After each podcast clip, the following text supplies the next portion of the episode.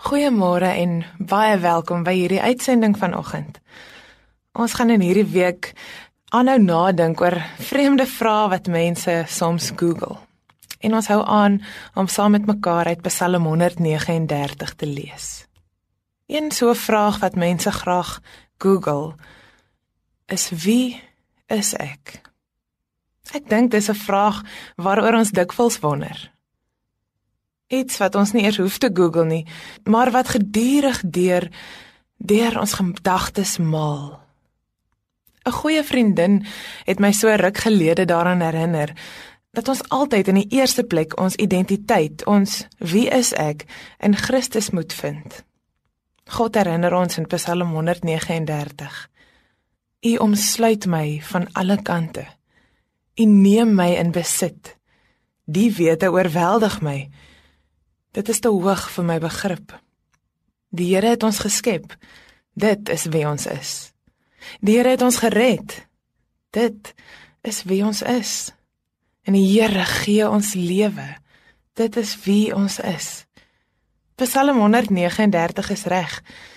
Ons verstaan dit nie altyd nie. God is te groot vir ons om te verstaan. Maar ons kan in hierdie wete rus dat hy ons liefhet en vir ons 'n identiteit gee. Wie is ek?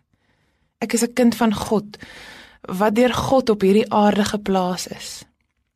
God het elkeen van ons met verskillende take, talente en gawes geskep.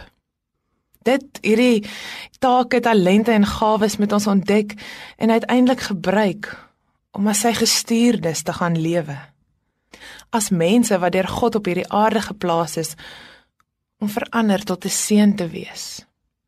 God is bo ons, langs ons. Hy is nader aan ons vel as ons. Hy is in ons. Hy omsluit ons van alle kante. Daarom is ons nooit alleen nie.